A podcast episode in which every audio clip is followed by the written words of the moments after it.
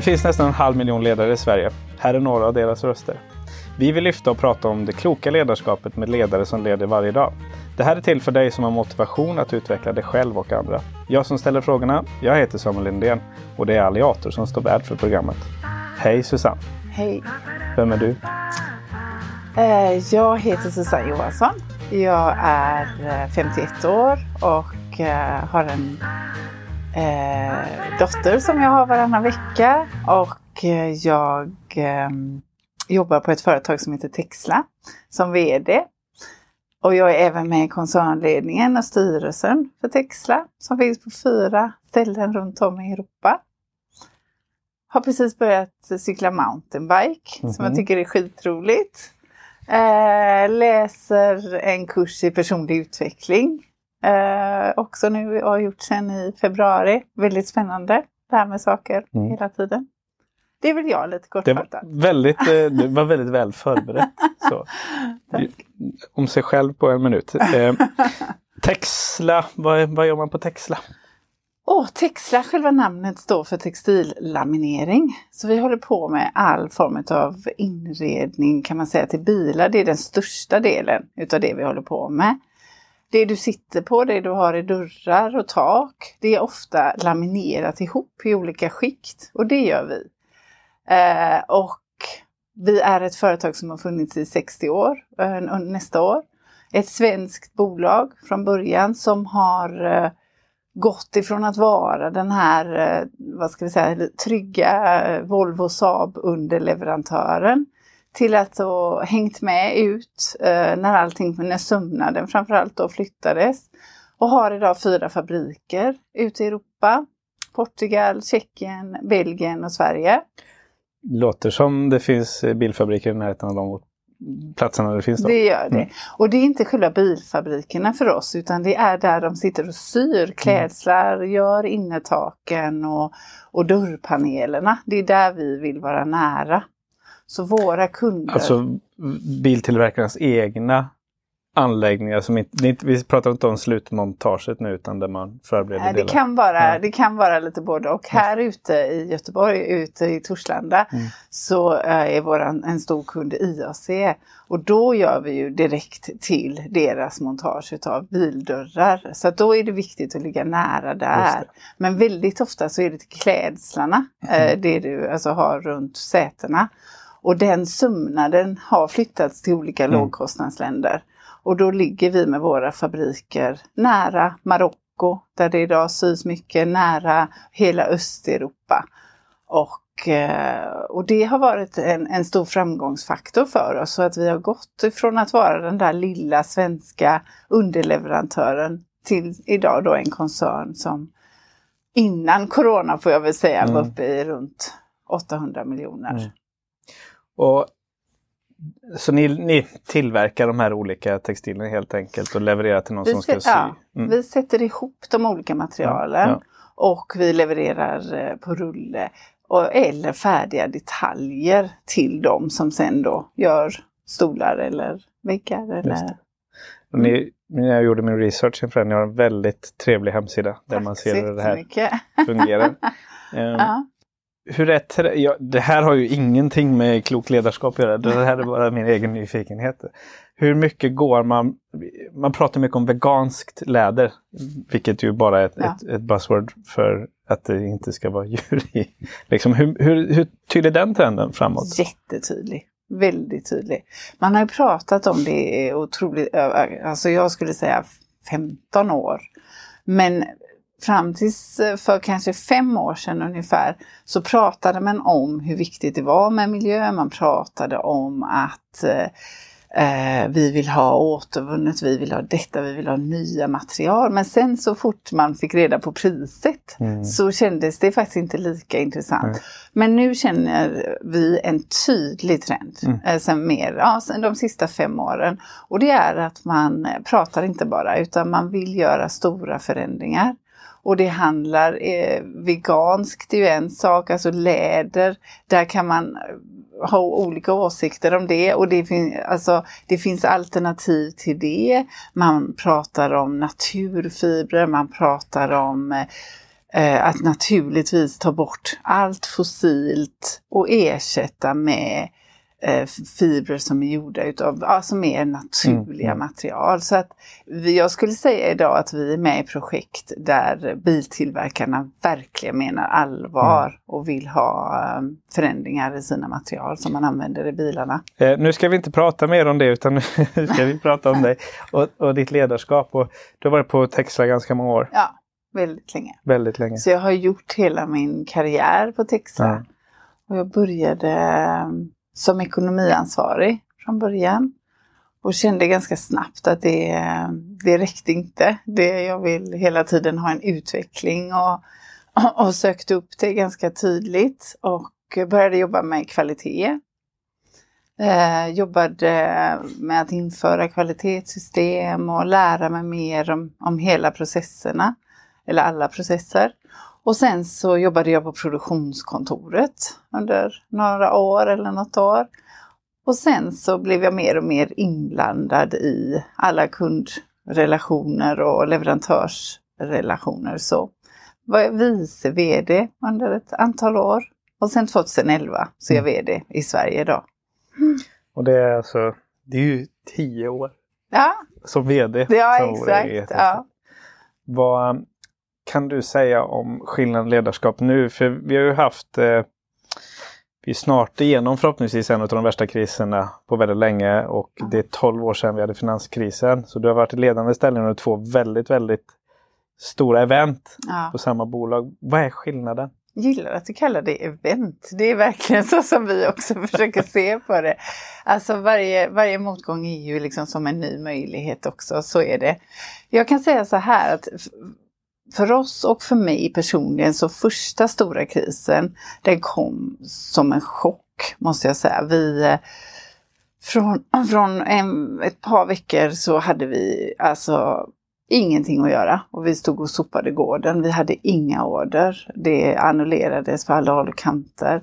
I, I Sverige då så jobbade vi 100% mot bilindustrin och det bara försvann. Och så var det i våra andra fabriker också.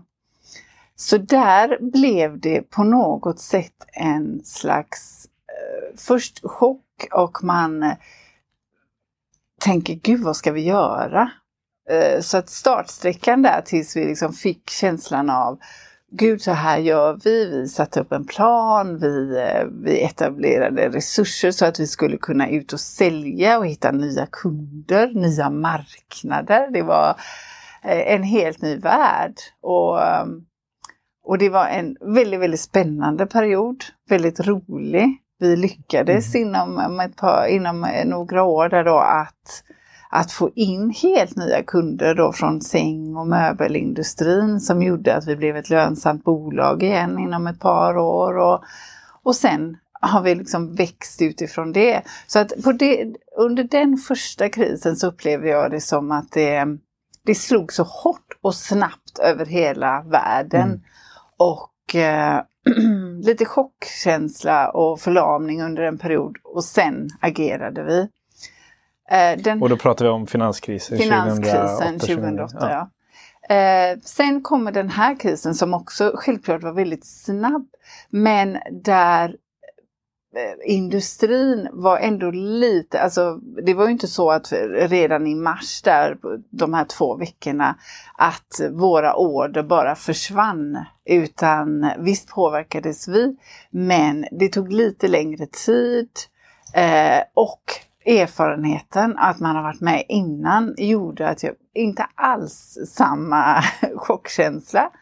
Utan mer mobilisering med en gång eh, samla ihop sig, samla ihop ledningsgrupper, samla ihop eh, koncernledning, eh, planera tidigt eh, vilka kostnader som kan dras ner, vad kan vi, alltså serviceavtal, vad säger vi upp, vad, mm. vad, alltså man har varit där en gång innan och, och, och även alltså de här bil, ska säga, konjunkturerna går alltid upp och ner. Mm. Så att det kändes som att vi var mycket snabbare att agera och parera. Får jag ställa en kritisk fråga? Absolut. Ehm, det du säger där att ni ser över era egna kostnader, vilket man ju gör, får ju också till konsekvens att ni rycker undan mattan för nästa led. i försörjningskedjan. Ställer, man, ställer ju dem på, ja. på pottkanten också. Vi kan prata om allt från fruktbud till en given konsekvens av att man inte får vara på, kan vara på kontoret. Liksom. Hur, hur tar du upp den diskussionen på ett snyggt sätt? Ja men om jag säger så, alla är väl sig själv närmast. Ja. Och på något sätt i och med det vi gjorde förra gången då där vi väntade alldeles för länge och hade då eh, vad ska vi säga, det, det fick konsekvenser för bolaget på ett sätt som, vi, som jag, jag, vi visste ju nu att nej men det här, vi, vi kände till hur snabbt vi kunde mm. göra de här förändringarna. Och eh, visst är det jättetråkigt att det är många bolag som, som har haft det mycket tuffare än vad vi har haft. Men på något sätt så är det så att, att mitt uppdrag och, och eh, vad ska jag säga, det är ju att rädda anställningar hos oss på Texla och att se till att vi klarar oss igenom krisen. Sen har vi väl alla känt tror jag, och det att man har försökt att stötta de här mindre bolagen genom att eh, göra det man kan. Eh, äta luncher, alltså beställa, hem, beställa till mm. företaget och sådär. Men, men alltså på något sätt så har jag ett ansvar där att se till att vi eh, dra ner de mm. kostnaderna vi kunde så snabbt vi kunde. Och det gällde ju då för alla bolagen eh, gemensamt.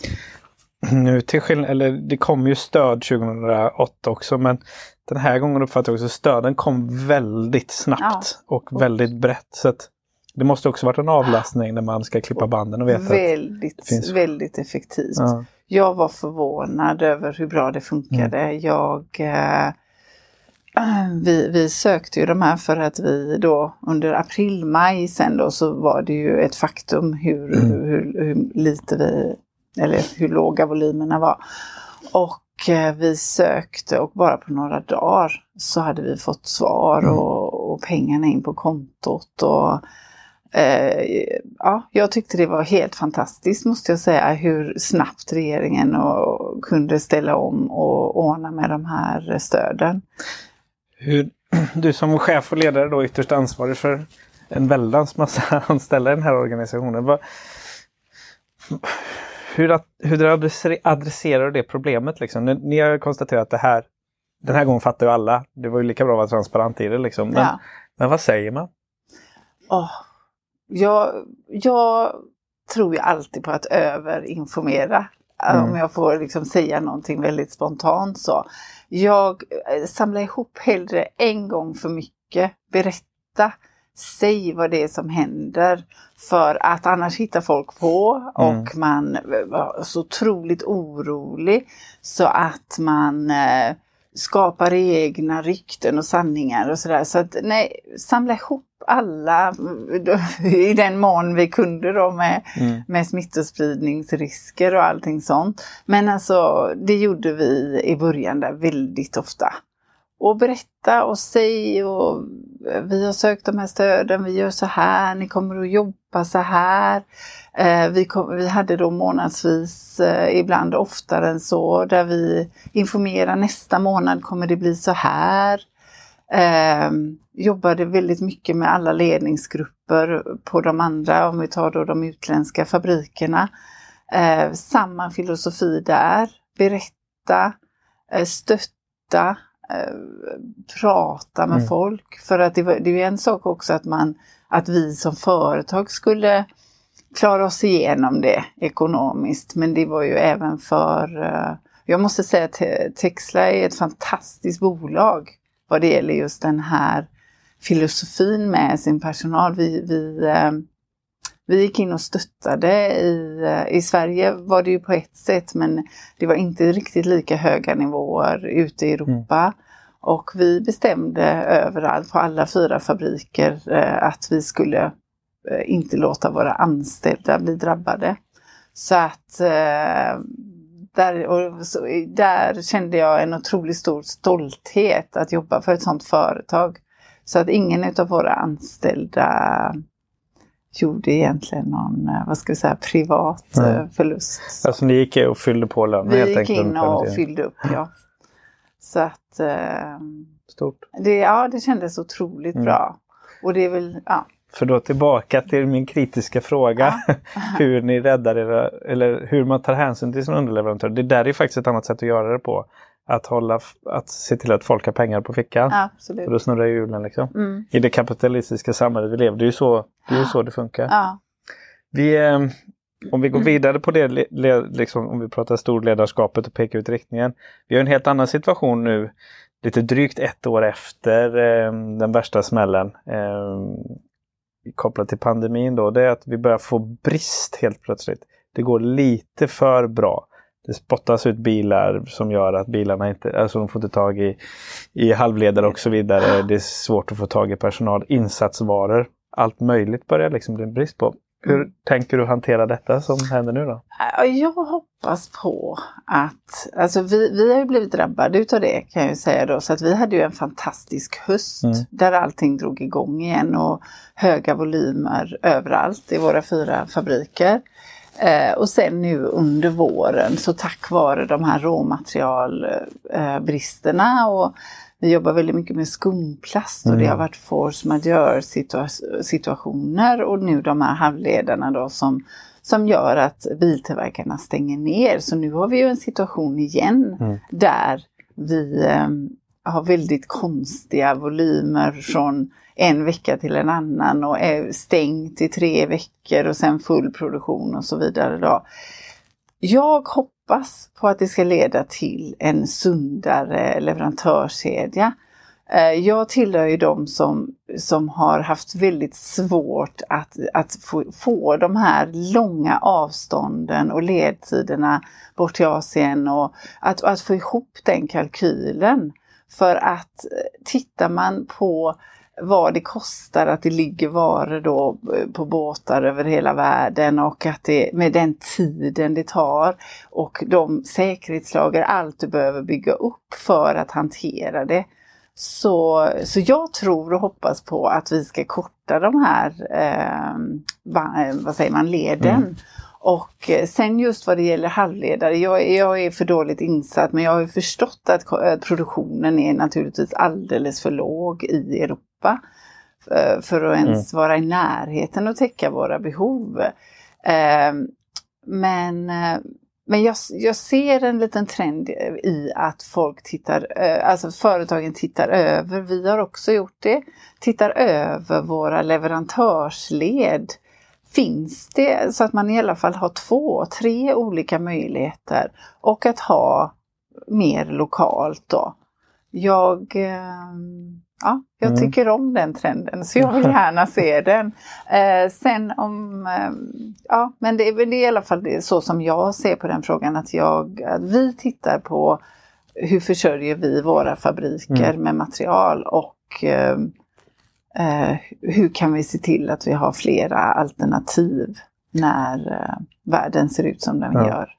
Och det går ju faktiskt att väva in hållbarhetsaspekterna i det också. Att, att eh, dels kan man plocka hem mer lokalt utan att vara protektionistisk i det. Liksom. Mm. Korta ledtider och du skapar jobb och sysselsättning och, och sånt där också. Så finns ju de aspekterna i det också. Ja, absolut. Hur eh, behåller man organisationens förtroende när man har suttit så, så länge på posten som oh. du har? ja, alltså jag tänker ju så här att för mig så grundar ju sig allting i att jag älskar människor. Eh, jag vill att alla ska ha det väldigt bra i organisationen. Jag vill att det ska vara schysst att jobba på Texla. Um, så att där ligger nog hemligheten i att jag fortfarande har ett förtroende mm. Hos folk. Men sen så är det också så, det ska ju erkänna att um, man går igenom olika faser och så har du um, Just nu så har vi efterfaser säga, från, från den senaste krishanteringen. Mm. Och eh, där man mobiliserar om och, och, sätter planer för framtiden och sådär. jag kanske är lite mer tillbaka just nu. Men eh, man, kan, man kan inte alltid vara den som, eh, vad ska vi säga, har samma sätt att leda. Nej. Det har jag lärt mig genom åren. Utan eh, Ja, nej men det, man förändras och eh, eh, vad ska jag säga, just nu så känner jag att nu samlar jag på mig ny mm, mm. kraft, mm. ny energi, läser mycket som jag sa där då, personlig utveckling och så vidare. Och sätter upp strategier för framtiden och så kommer jag komma tillbaka med full kraft när jag känner att jag har lite grann samlat på mig igen. Vad ett ärligt svar. Ja. Jag uppskattar det. Mm. För jag, jag förstår precis den här utmaningen det är. Alltså det är ju det är som ett rejält träningspass. Du måste, du måste upp på toppen och, ja. och leverera allt du har. Alltså man, finns... man, har inget val Nej. i en sån situation som det var där med, med Corona. Och det, det blir ju på något sätt att du, du använder, ja. ja du tömmer dig, ja. du använder precis allt du har och du försöker tänka i, i alla olika mm. banor mm. och hur man kan lösa olika situationer. Och så, så då ställs ju saker och ting på sin spets. Mm. Så att, eh, ja. Men det gäller ju att ha ett lag som fyller upp där då. Ja, men, och det har vi. Liksom. Alltså, vi har ju fantastiska eh, ledare ute på alla våra anläggningar och, eller på våra fabriker mm. och även i, i Sverige har vi en, en jättebra ledningsgrupp som, som hur jobbar du med, med att utveckla ledarskapet i, i organisationen då? Eh, ja, men alltså, vi, vi jobbar ju, Get Involved är vårt kärnvärde. Vilket innebär att eh, alla ska vara delaktiga. Vi kräver det av dem. Men de har också rätt att kräva det av oss. Alltså alla i ledande positioner. Så vi jobbar jättemycket med delaktighet. Det som har känts lite jobbigt, eh, tycker jag nu då under det här mm. senaste året, det är att vi jobbar terminsvis med aktiviteter i form av eh, kan vara både fysiska, alltså ut, stänga hela fabriken och åka och köra höghöjds, eh, ute i, alltså uppe i träden och klättra eller köra, köra någon teamyoga eller köra en föreläsning, lära för livet. Och det har vi gjort i så många år nu och det har vi, gör vi också i alla våra fabriker. Och nu då när vi inte fått lov att umgås, där, där jag kan känna att det har varit mm. Eh, jobbigt. Alltså så för att eh, det här med att eh, interagera, alltså att göra saker tillsammans, att eh, verkligen eh, hela bolaget eh, gör de här aktiviteterna. Mm. Det, så att jag längtar verkligen så och har mycket planer ja. på saker som vi ska göra så fort vi får börja och umgås igen i, ja. i, i hela, alltså i större grupper ha kul tillsammans igen. Ja, ja På riktigt.